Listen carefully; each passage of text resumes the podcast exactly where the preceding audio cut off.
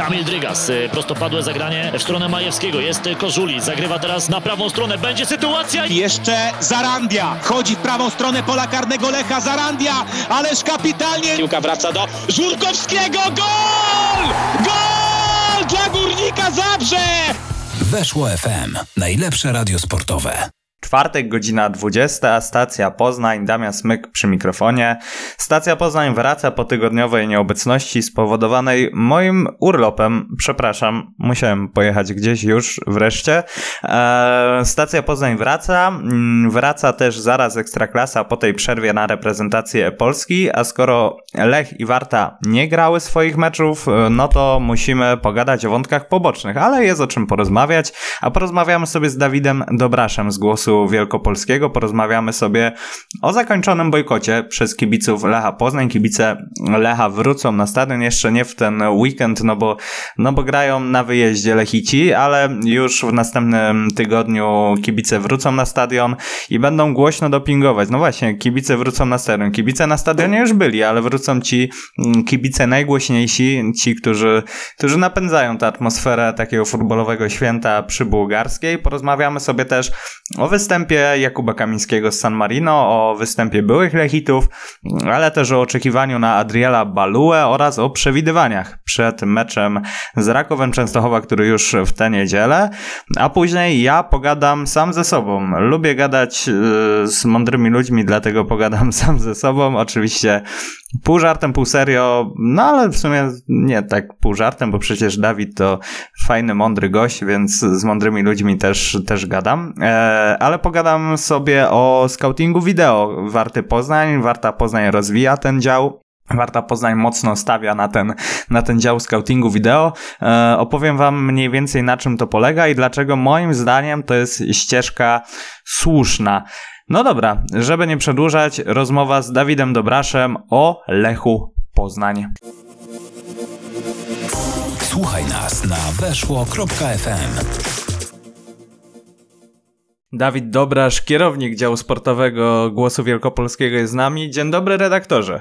Witam serdecznie, dzień dobry. Słuchaj, zanim porozmawiamy sobie o meczach reprezentacyjnych, no bo jakby przez ostatnie półtora tygodnia to grzało nas najbardziej, to, to takim najgorętszym tematem tej przerwy na mecze reprezentacyjne u nas w Poznaniu było chyba przerwanie, przerwanie bojkotu przez kibiców Lecha Poznań. Kibice wrócą na stadion Lecha, bojkot jest zakończony, to można było przewidzieć. Natomiast chciałem cię zapytać, nie masz wrażenia, mm, że to jednak bojkotujący wychodzą z tego bojkotu jako przegrani, no bo oni postawili twarde warunki, nie wszystkie warunki zostały spełnione, ale teraz, gdy wyniki są, to kibice, no ci najbardziej zagorzali, wrócą na stadion.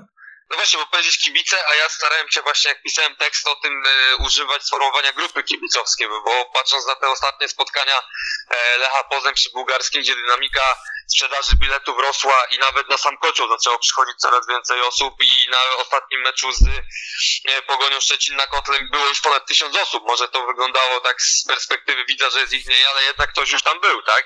I biorąc pod uwagę, że no powiedzmy moda na Lecha zaczyna w pewien sposób wracać, e, to pewnie ci kibice, którzy nie dostaliby biletów na inne trybuny, też zasiadaliby na trybunie kocioł. E, Już wracając do, do samego bojkotu, bo tu się ogólnie jestem w stanie zgodzić e, z tym, co mówisz, tylko tak sobie też myślałem o tym, kiedy się ten bojkot zaczął. E, I to już trochę jest dla mnie w pewien sposób zabawne, bo bojkot zaczął się w, moment, w kwietniu, jeśli dobrze kojarzę, gdzieś w momencie, kiedy następowała zmiana trenera i faktycznie no już te porażki ze Stalą Mielec, czy wcześniejsza gdzieś tam z Jagiellonią e, i wcześniejsze wpadki, no już mogły kibiców dobić, tak? Tylko zastanawiam się, że kibice e, ogłosili bojkot trybun, w momencie, kiedy na trybunę nie można było przychodzić. Teraz tak z perspektywy czasu zdaję sobie sprawę, że ten bojkot chyba z góry był skazany na porażkę, tak? Bo skoro bojkot trwał przez, e, chyba jeśli dobrze liczyłem, e, 7 meczów, chociaż teraz e, trzy, trzy mecze domowe, tak? Nie, cztery mecze domowe w tym sezonie e, i, pie- i jedno spotkanie w zeszłym sezonie z Górnikiem Zabrze jeszcze. E, więc tutaj bym się zastanowił, czy sama forma tego bojkotu ze strony kibiców była dobra, skoro my mówimy, zagrobimy bojkot i mówimy, że nie przyjdziemy na trybuny, gdzie i tak są zamknięte trybuny, tak? I z jednej strony ta, cały ten konflikt przez ten okres, e, kiedy no już trwał ten bojkot, no on też zelżał, tak? Z drugiej strony Lech też powiedzmy dołożył do pieca wynikami, transferami, no ale jednak mam takie poczucie, że ten bojkot e, no nie był zrobiony w dobrym momencie. Rozumiem dlaczego z jednej strony kibice zdecydowali się na ten ruch, by pokazać swoje niezadowolenie z tego, co się dzieje przy bułgarskiej, ale z drugiej strony może nie do końca forma i, i, i skutek był przemyślany i dzisiaj wycofywanie się z tego bojkotu było moim zdaniem jedyną już e, słuszną drogą. Mhm. No bo tak naprawdę to teraz ten przerwanie bojkotu dla wszystkich jest dobrą wiadomością, no bo trwanie dłużej w takim patowym położeniu nie robiło dobrze ani kibicom, którzy byli właściwie przekrzykiwani we własnym domu przez kibiców gości, ani piłkarzom, którzy nie mieli tego wsparcia na boisku, na meczach domowych, no ani też klubowi, który nie zarabiał na biletach, więc mam wrażenie, że po prostu wszyscy usiedli przy stole i uznali, panowie, no, no dłużej tak się nie bawmy. Znaczy, no tutaj też trzeba zwłaszcza to, co powiedziałeś, aspekty, czyli drużyna to trzeba wygrywać, powiedzmy, były jakieś sensowne transfery, przyjechały, za każdym razem też trzeba spojrzeć, że na spotkanie przy Bułgarskiej pojawiała się coraz większa grupa kibiców, bo z Radomiakiem było to chyba 600 osób, z Lechią 900, a z Pogonią już 1000, tak? No i też ten doping był głośniejszy. Z drugiej strony to, co powiedziałem, że na sam kocioł zostało, nie, zostało, było sprzedawanych coraz więcej biletów. Więc też uważam, że te wszystkie rzeczy, które, które powiedziałeś, właśnie spowodowały, że trzeba usiąść i powiedzieć, panowie, e, no chyba trzeba usiąść i porozmawiać, bo, bo tak dalej nie ma sensu i też w pewien sposób za- zaczęli ludzie w kraju dziwnie patrzeć, o co tu chodzi, tak? Kiedy tym bardziej, że kolejosz e, z tygodnia na tydzień pobijał swój rekord frekwencji, więc dlatego też starałem się używać już na końcu tych sformułowań grupy kibicowskie, które szanuję i jakby doceniam za to, co robią, no ale to był ich bojkot, tak? Dlatego też nie chcę tutaj wrzucać do, do całego takiego kibiców, bo, bo jak widzieliśmy, no kibice nie przyszli na mecz z Górnikiem Zabrze, ale począwszy praktycznie od starcia z Radomiakiem, było ich coraz więcej na stadionie, więc no trzeba było chyba już tutaj pójść po głowy, a ja mogę zapewnić, że to na pewno nie był ostatni bojkot, e, jaki, jaki Poznaniu widzieliśmy. No to wszystko na pewno będzie wracać. A słuchaj, czy spodziewasz się takiego grubego wjazdu kibiców na ten mecz z Wisłą Kraków, że mm, to, to, to przerwanie bojkotu będzie takie odtrąbione z dużą pompą? No ja myślę, że też mecz, gdyby to był, nie wiem, teraz mecz, ja wiem, nie z Wisłą Kraków, a na przykład z Niecieczą domowy, to być może ten bojkot też by jeszcze w pewien sposób trwał. No już wydaje mi się, że niektórym grupom kibicowskim Lecha i tym najbardziej zagorzałym fanom, zresztą myślę, że osoba prowadząca doping na meczu z Wisłą Kraków będzie pewną niespodzianką, eee, ale tego powiedzmy tutaj nie chcę na razie zdradzać, eee, ale no też coś, coś tam powiedzmy słyszałem, że jest duża, duża mobilizacja na, na ten mecz, szczególnie, że jest z Wisłą Kraków, szczególnie, że mogą przyjechać kibice gości i zapewne pojawią się w Poznaniu, więc e, też na pewno miało to jakiś, e, jakiś wpływ. I tak myślę, że, że będzie raczej gruby wjazd e, na, e, na, na ten mecz i pokazanie po prostu, że, że Kocioł wrócił i Lech Poznań, tak jak Maciej Skorża prosił, gdzieś może liczyć już na to wsparcie całości trybun. Mhm, no dobra, to, to powrót do piłki nożnej. Słuchaj, e, zagrał w kadrze wreszcie, wreszcie Lech- Lechita i to Lechita, który był obecnie związany z Lechem, no bo wiemy, że z Tymoteuszem Puchaczem to można różnie interpretować podczas Euro. Jakub Kamiński zadebiutował w reprezentacji Polski, zagrał od pierwszej minuty z San Marino, ale to chyba był taki debiut, który raczej się odhacza niż się go zapamiętuje. No muszę przyznać, że jestem zdziwiony tym debiutem, bo te głosy, które mówiły o tym, że Kuba Kamiński zaprezentował się naj, najsłabiej ze wszystkich na tle San Marino, no powiem delikatnie, nie są najdalsze od prawdy, tak? E, nie lubię oceniać piłkarzy na tle takiego przeciwnika jak San Marino, bo jest to w pewien sposób e, no takie no nawet nieprofesjonalne bym powiedział, bo to szczerze mówiąc jakby Kuba Kamiński wyszedł na gierkę e, z poznańskimi dziennikarzami i też by tak samo wyglądał, no to ja bym nie wyciągał wniosków, że Kuba Kamiński już jest złomowany przez Damiana Słyka albo Debrasza na lewym obronie na przykład. No, no nie wiem, no tak, tak sobie o tym po prostu myślę i mam też takie spostrzeżenie, że jednak, ale aczkolwiek jak przeczytałem u was e, na stronie gdzieś tam w statystykach, że Kuba Kamiński miał 18 strat, tak, to nawet Mhm. jakbyśmy to podzielili na 90 minut, który on grał, no to jest strasznie dużo i to nie powinno się przydarzyć absolutnie na żadnym poziomie i być może nawet na tej gierce z Dobraszem i Słykiem, tak, że 18 strat gdzieś tam, więc e, coś, coś tu nie zagrało, nie wiem czy się Kuba może nie spalił, z drugiej strony też myślałem, że jednak e, on teraz miał troszkę gorszy okres, jak już miałbym tak powiedzmy stopniować Kubę Kamińskiego w tym sezonie, no to miał mocny wjazd, dwie, trzy pierwsze kolejki, zakończone z golem, z, dwa, z dwoma golami, z asystą, czy, czy odwrotnie, bo już teraz nie pamiętam, ale na pewno jakby on zasłużył tymi meczami na powołanie do kadry, No ale mam nadzieję, że się w tym meczem San Marino w żaden sposób nie przekreślił, bo Souza mam wrażenie, że w Piątkowskim trochę się zakochał, na początku potem się odkochał. Z Mhm. Kamińskim ta miłość wygląda na trudną, ale jednak go wziął z drugiej strony i jestem ciekaw jaka teraz będzie przyszłość Jakuba Kamińskiego, ale wydaje mi się, że, że musi walczyć. Mhm. No, ja akurat nie spodziewałem się, że on może trochę tak mentalnie nie, nie podołać w tym meczu, bo miałem wrażenie, że właśnie tu ten mental zawiódł. E, no bo to jest taki chłopak, który akurat łeb ma na karku. No, no nie można tu No mówić o właśnie. jakimś zahukanym chłopcu, który gdzieś tam się gubi na tym boisku. I dlatego nie wydawało mi się, że nagle, gdy Kuba grając już kilka meczów w U21 czy w młodzieżówkach, to na tle San Marino nagle się jakoś niewątpliwie spali. Potem myślałem, że może też nie do końca taktyka była w pewien sposób od niego. E, no ale mówię, no wracamy tutaj do San Marino. No mam No wrażenie, tak. że jakbyśmy wyszli taktyką 2-8 0, to też powinniśmy wygrać e, z San Marino, tak? I każdy powinien zagrać raczej lepiej niż, niż gorzej. Na pewno to może martwić i, i sam jestem ciekaw, czy to jest po prostu oznaka jakiejś, nie wiem, być może małego dołku Kuby Kamińskiego, bo wiemy, że młodych zawodników po prostu takie sytuacje mają, e, mają znaczenie. Mm, No i, i zobaczymy, bo też patrzyłem na przykład na Michała Skórasia w młodzieżówce i on z kolei pokazał akurat to, co pokazywał w lidze ostatnio. E, a Kuba jednak, mam wrażenie, no zaprezentował się dużo słabiej niż meczach kolejorza, co jest zastanawiające. Mhm. Mecz z San Marino meczem z San Marino, ale ważniejsze rzeczy działy się przez ten tydzień. Mecz z Anglią, z Anglią no, zremisowany przez reprezentację Polski 1 do 1. Tam Lechitów nie oglądaliśmy, ale oglądaliśmy paru ex-Lechitów i nie wiem, czy się zgodzisz, nie wiem, czy podzielasz te, te spostrzeżenia, ale występ Tymoteusza Puchacza, to przynajmniej dla mnie, to jest chyba największe takie indywidualne zaskoczenie całego tego zgrupowania. No, to, to czy największe? No, mogę się poniekąd zgodzić, bo jednak Adam Buksa chyba zrobił na mnie takie spore wrażenie, powiedzmy, Tak. swoim takim pewnym wejściem, ale na pewno tutaj się też jestem w stanie z tą zgodzić i zaskoczyła mnie też inna rzecz.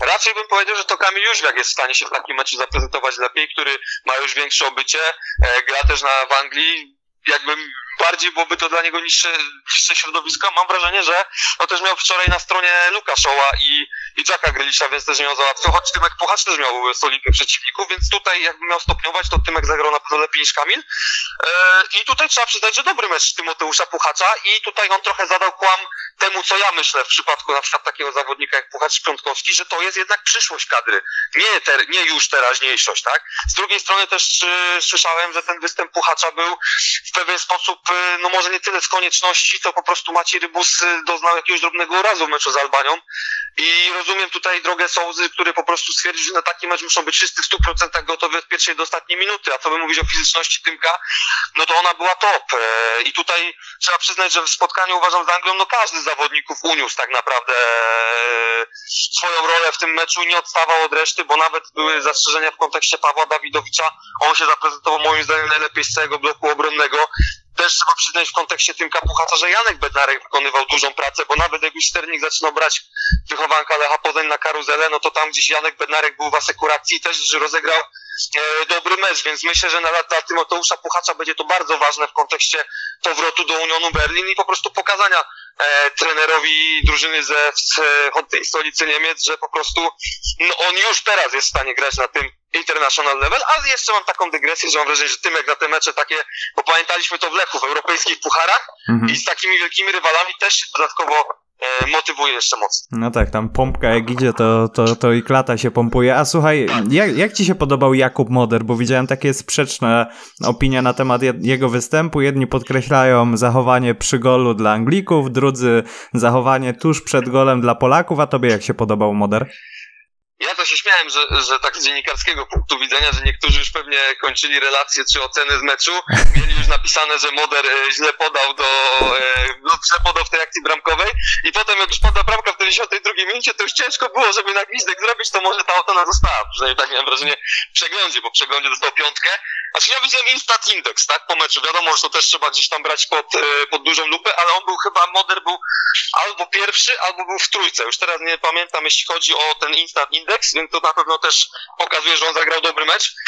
Yy, No co ja widziałem? Ja widziałem na pewno takiego modera jak meczu z Hiszpanią, e, Mhm. który też e, w pewien sposób e, próbował zrobić czasami jednym zwodem różnicę w meczu. Moim zdaniem fajnie wyglądała wymienność pozycji między nim a Krychowiakiem, bo nawet miałem takie wrażenie, że czasami moder grywał jako sześć, e, co było takim pewnym nawiązaniem do Lecha Poznań. Ja myślę, że, że strona Brighton też w pewien sposób określiła występ Modera, kiedy e, po meczu wrzuciła takiego zabawnego mema, że, że Brighton, e, że Moder kolejny raz powiedzmy złomuje Anglików, tak? Więc myślę, że on e, dwoma meczami z Anglią, bo tak gdzieś trzeba na, na to spojrzeć, e, na pewno podbił swoje notowania w klubie, a ja uważam, że zdecydowanie jest bliżej pierwszego składu e, reprezentacji Polski, a to chyba powinno być po tym meczu oczywiście obok wyniku najważniejsze. Mhm, no tam rywalizacja jest na tej pozycji akurat bardzo silna, bo przecież nie było ani Klicha, ani Zielińskiego, a, a wyrośli nowi bohaterowie, też Karol Linetty, który, który też zagrał kolejny dobry występ i chyba swoje najlepsze zgrupowanie podczas całej, całej przygody z kadrą. Natomiast wróćmy do tego Lecha Poznań. Zamknęło się okno transferowe i o tych transferach do klubu już rozmawialiśmy nieraz, rozmawialiśmy we wszystkich chyba możliwych programach wokół Lecha Poznań, natomiast mnie ciekawi twoje zdanie na temat piłkarza, który nie odszedł z Lecha Poznań, a o którym mówiło się, że być może odejdzie. Filip Marchwiński. Jaką ty widzisz przyszłość dla Filipa Marchwińskiego przez następne pół roku, rok? E, Widzisz dla niego przyszłość tutaj w Lechu Poznań taką, żeby, żeby ten Marchwiński rozkwitał, czy, czy ten fakt, że on został w Lechu, to jest jednak, jednak zła decyzja? Znaczy, powtórzę trochę to, co powiedział Tomasz Rząsa w wywiadzie z Maciejem Sykułą, że on jest do rywalizacji. I wydaje mi się, że jest tylko jeden aspekt, dlaczego on został w Lechu e, tego lata. E, podstawowym, uważam, powodem jest to, że Filip jest młodzieżowcem, młodzieżowcem ogranym, e, może nawet użyję słowa jakościowym, który jakby w tym momencie jest trzecim do gry, bo miałem wrażenie na przykład w spotkaniu z Pogonią Szczecin, e, kiedy na boisku trener Skorze dokonywał zmiany grając w osłabieniu, puścił na boisko Markwińskiego, zamiast Daniego Ramireza. I wydaje mi się, że Dani Ramirez jest wyżej w hierarchii jeszcze niż Filip Markwiński, ale Filip Markwiński wszedł dlatego, że trener chciał ściągnąć Jakuba Kamińskiego, a w przerwie już zwinął boiska zresztą słusznie Michała Skórasia. Mhm. I moim zdaniem tutaj była taka po prostu sytuacja, że e, Filip Markiński został w Lechu, bo jest młodzieżowcem i czy on się teraz rozwinie przez to pół roku, czy on faktycznie będzie w stanie rywalizować o skład, tego nie wiem. Wydaje mi się, że Lech bardziej e, zabezpieczył swoje potrzeby, czyli po prostu posiadanie jakościowego młodzieżowca I, i a zresztą moim zdaniem tu dużo od Filipa zależy, jak on do tego podejdzie i czy się rozwinie, bo nawet w reprezentacji młodzieżowej Maciej Stolarczyk nie widzi go na razie w pierwszym składzie, tak? Bo, Mhm. bo Michał Skóraś dostał dwa razy po 90 minut. Moim zdaniem był nawet jednym z lepszych tych zawodników, chociaż na tym tle, które tam było, no to nie, nie była to jakaś wielka sztuka. Mm, I sam jestem ciekaw, no na pewno będą ważne dla Filipa mecze pucharowe, tak? Jeśli się nie mylę, on też będzie mógł grać w drugiej lidze. Pytanie, czy go to w jakiś sposób urządza, ale na pewno tych minut będzie łapał, tylko ja już mam wrażenie, że Filip trochę, trochę to może być taka powtórka z Dawida Kownackiego i, i, i jakby nie abstrahuję od zachowań Dawida i Filipa, tylko mam wrażenie, że podobna historia, wielki hype na początku, a teraz jednak jest, jest gdzieś tam spore rozczarowanie i sam jestem ciekaw po prostu, w którą stronę to pójdzie, bo wydaje mi się, że na transfer zagraniczny Filip gdzieś pojedzie, tylko pytanie, czy jeśli on w polskiej lidze ma problem z przebiciem się, e, to czy, czy za granicą będzie mu jeszcze łatwiej? No jest to wątpliwe. Mhm. A zdziwiło cię to, że on latem nie odszedł nigdzie na wypożyczenie? No wiemy, że to czasami jest problem, gdy Lech chce wypożyczać swoich piłkarzy, bo Lech właściwie w niemal każdej tej wy- umowie wypożyczeniowej zastrzega sobie jakąś tam pulę minut, którą ten ich zawodnik ma grać i, i gdy nie będzie grał, no to będą jakieś tam mm, kary, na przykład finansowe w związku z tym. E, zdziwiło cię to, że, że Marfiński nie, nie, nie, nie wybrał żadnego wypożyczenia, że Lech też nie, jakby nie zszedł z tych swoich oczekiwań w kontekście tego piłkarza? Ja, my, ja myślę, że sytuacja była dynamiczna w trakcie okienka, bo, bo na początku było mówione, że Filip tak odejdzie na wypożyczenie, było to nawet mówione przez Macieja Skorże. Potem gdzieś tam transfery, samo okno przygotowawcze, gdzieś też e, wizualizacja Markwińskiego na skrzydle, bo też słyszałem tutaj takie, takie role, że gdyby ewentualnie ktoś na skrzydło nie dojechał, to Filip mógłby, mógłby tam grać, to było jeszcze transferem Baloui. No i ostatecznie było, no, wie- wiemy, że menadżerowie Filipa oferowali, tak? E, I to nawet nie jednemu klubowi, bo z tego, co, co gdzieś tam też pisał Szymon Janczyk od was był to Radomiak. Ja się dowiedziałem, że w Śląsku Wrocław była taka propozycja, ale właśnie Śląsk zrezygnował z tego powodu, że nie chciał Lech wpisać kwoty wykupu tego piłkarza do, do kontraktu, co jest w pewien sposób zrozumiałe. No a Śląsk też ma młodzieżowców akurat na pozycji 8-10, więc nie było tutaj zapotrzebowania. Był Górnik Łęczna, sam Filip nie chciał tam iść, więc myślę, że tutaj sytuacja była dynamiczna. Ostatecznie okienko się skończyło. E, mam takie wrażenie, że nikt nie płacze. E, Mhm. z tego powodu, jak to się skończyło. E, wrócimy pewnie do tematu zimą. Mhm. Jak powiedzieli, że był temat górnika Łęczna, to tak sobie pomyślałem, że nawet jakby tam poszedł i nie grał, to taki jeden Lechita też kiedyś poszedł do górnika Łęczna, nie grał, a dzisiaj całkiem niezłą karierę robi, nawet w repre- reprezentacji Polski. To, to tylko wtrącę, że, że z tego gdzieś tam gdzieś słyszałem, bo, bo nie są to w pełni tutaj potwierdzone informacje, no że raczej raczej Filip kręcił nosem na, na Górnik Łęczna. No i to już niech każdy sobie gdzieś tam odpowie, dlaczego i, i, dlaczego to tak wyszło. Mhm.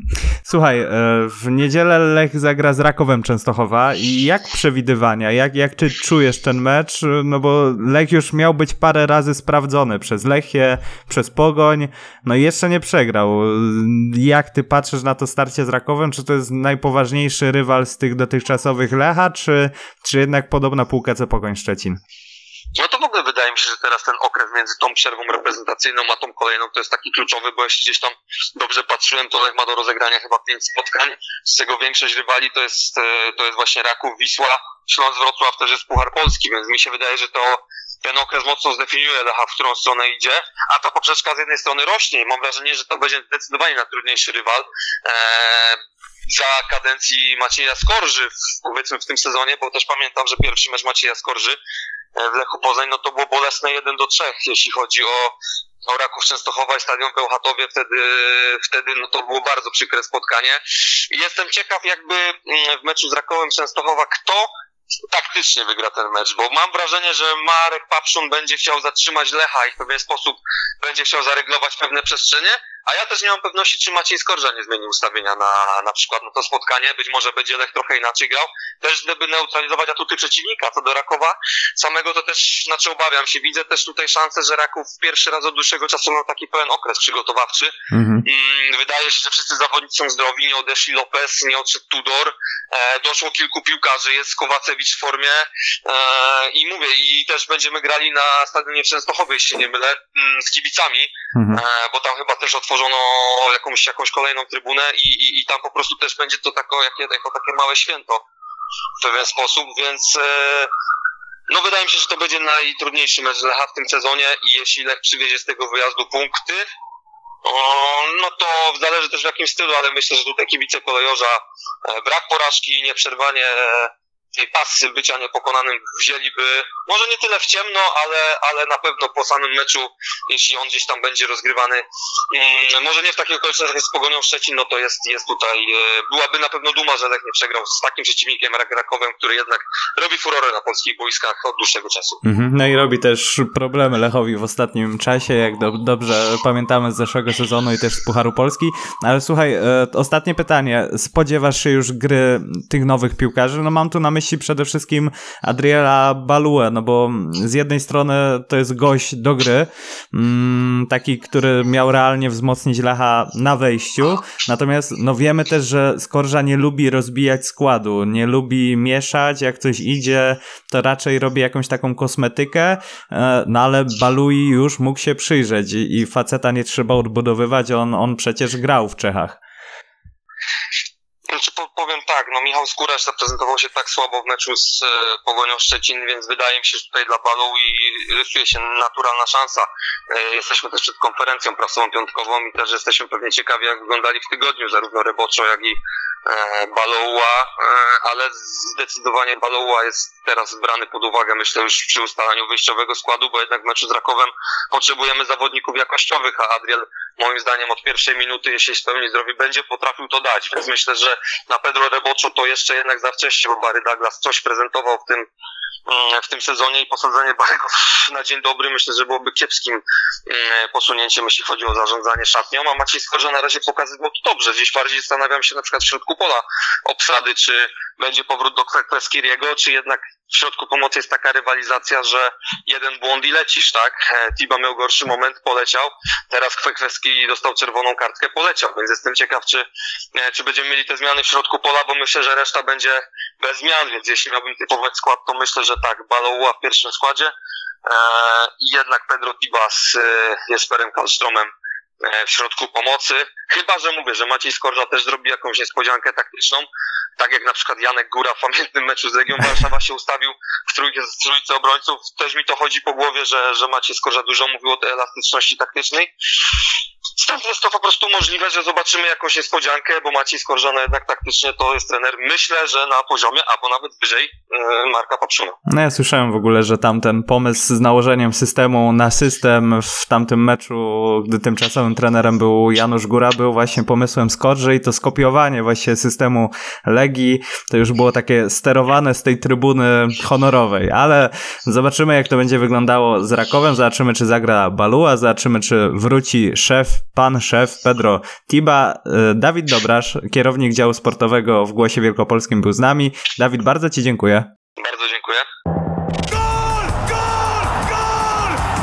Weszło! Weszło! Weszło! O Lechu Poznań na dzisiaj to była rozmowa z Dawidem Dobraszem, a teraz przejdziemy sobie do drugiego z poznańskich klubów, czyli do Warty. Warta rozwija scouting wideo i brzmi to trochę tak nieprofesjonalnie, to tak jakby skauci siedzieli w domach i oglądali sobie płytki DVD z meczami, ale tak nie jest. Warta ma dostęp do wielu narzędzi i platform scoutingowych i ten dział zajmuje się właśnie przede wszystkim pracą na, na takich e, narzędziach online. Oczywiście są też e, wyjazdy, są też delegacje, natomiast e, Warta dość mocno postawiła na ten scouting wideo i, i wspomniałem o tych platformach scoutingowych. Wśród nich są chociażby Instat, chociażby Y-Scout, od niedawna także StatsBomb i to są takie aplikacje, w których wykupuje się subskrypcje i dostaje się dostęp do całych meczów, dostęp do wycinków zagrań, ale też dostęp do takiej gigantycznej bazy statystycznej. E, w tej bazie mm, można filtrować dane, można precyzyjnie nakładać filtry na szukanych piłkarzy i naprawdę rozmaitość i, i bogactwo tych e, filtrów statystycznych jest naprawdę mm, duża. Dajmy na to, jeśli Warta szuka mm, no chociażby kreatywnego pomocnika, takiego środka mm, pola, który też dobrze gra w pressingu, rzuca otwierające podania, potrafi popracować w defensywie, jest skuteczny w niskim i średnim pressingu, no to dzięki tym filtrom takim e, w Statsbombie czy, czy w Instacie jest w stanie wybrać sobie taką pulę zawodników. Później określa się, którego piłkarza z tej listy warta jest w stanie ściągnąć, na którego jest w stanie sobie pozwolić finansowo, który jest dostępny po prostu na rynku i, i można prześwietlić go na tysiąc różnych sposobów. Warta jeszcze za czasów e, mm, panowania, za, za kadencji Roberta Grafa w roli dyrektora sportowego zrobiła nabór do tego działu wideo. Dzisiaj temu działowi szefuje Jakub Czyżycki. Pracę oczywiście tego całego działu nadzoruje dyrektor sportowy, którym jest teraz Radosław mm, Mozyrko e, i, i ten dział wkrótce zostanie powiększony.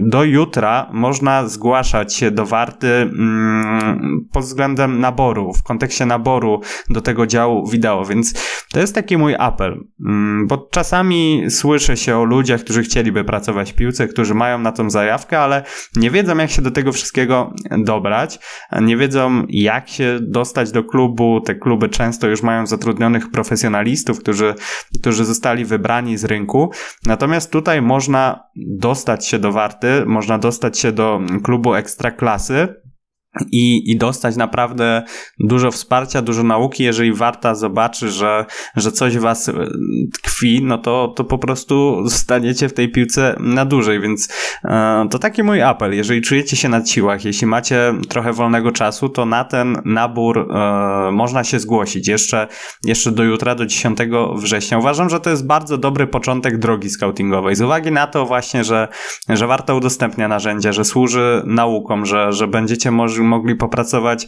z naprawdę kumatymi mm, osobami w kontekście takiej analizy, w kontekście scoutingu.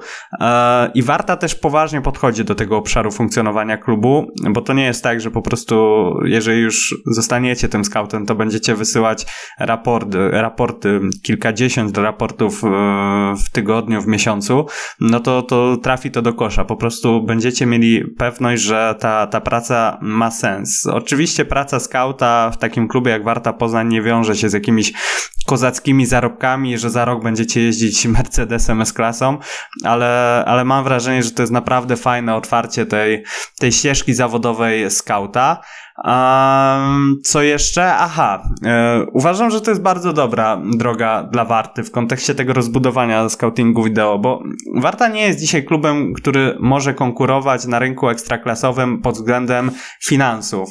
O wyróżniających się piłkarzy z ekstraklasy, czy nawet wyróżniających się piłkarzy z pierwszej ligi, no będzie przegrywać licytacje z klubami bogatszymi, a skoro nie możesz wygrać tej rywalizacji pieniędzmi, e, no to musisz wygrać sposobem. To znaczy, musisz poszukać alternatyw. Nie możesz robić tego, co inni, ale za mniejsze pieniądze, tylko musisz poszukać swojej nowej drogi. I wydaje mi się, że ten scouting wideo, mm, rozwijanie tego działu wideo, dokupywanie kolejnych narzędzi, organizacja dla tych ludzi pracujących już w klubie szkoleń, to jest droga, która jest, która jest słuszna. Możemy śmiać się z Lecha Poznań, ale Lech Poznań ma tę mm, te, te, taką procedurę scoutingową bardzo dobrze rozplanowaną i oczywiście będą pojawiać się błędy, będą pojawiać się przeszkody, będą pojawiać się wtopy, natomiast chodzi o takie uprawdopodobnienie tego, że na rynku scoutingowym, na rynku transferowym, który jest diabelnie trudny,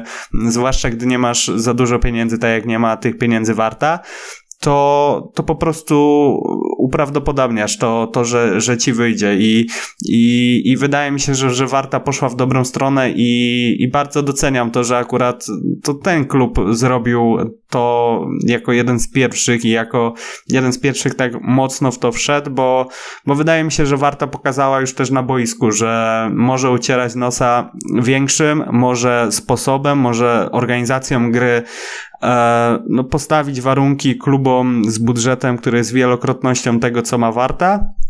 A skoro wyszło to na boisku, to dlaczego nie zrobić tego też w biurach, w administracji, e, ale i w scoutingu. Więc e, jeśli czujecie, że, że to jest miejsce dla Was, to naprawdę polecałbym um, chociażby spróbować swoich sił, chociażby sprawdzić się, zobaczyć, z czym to się je.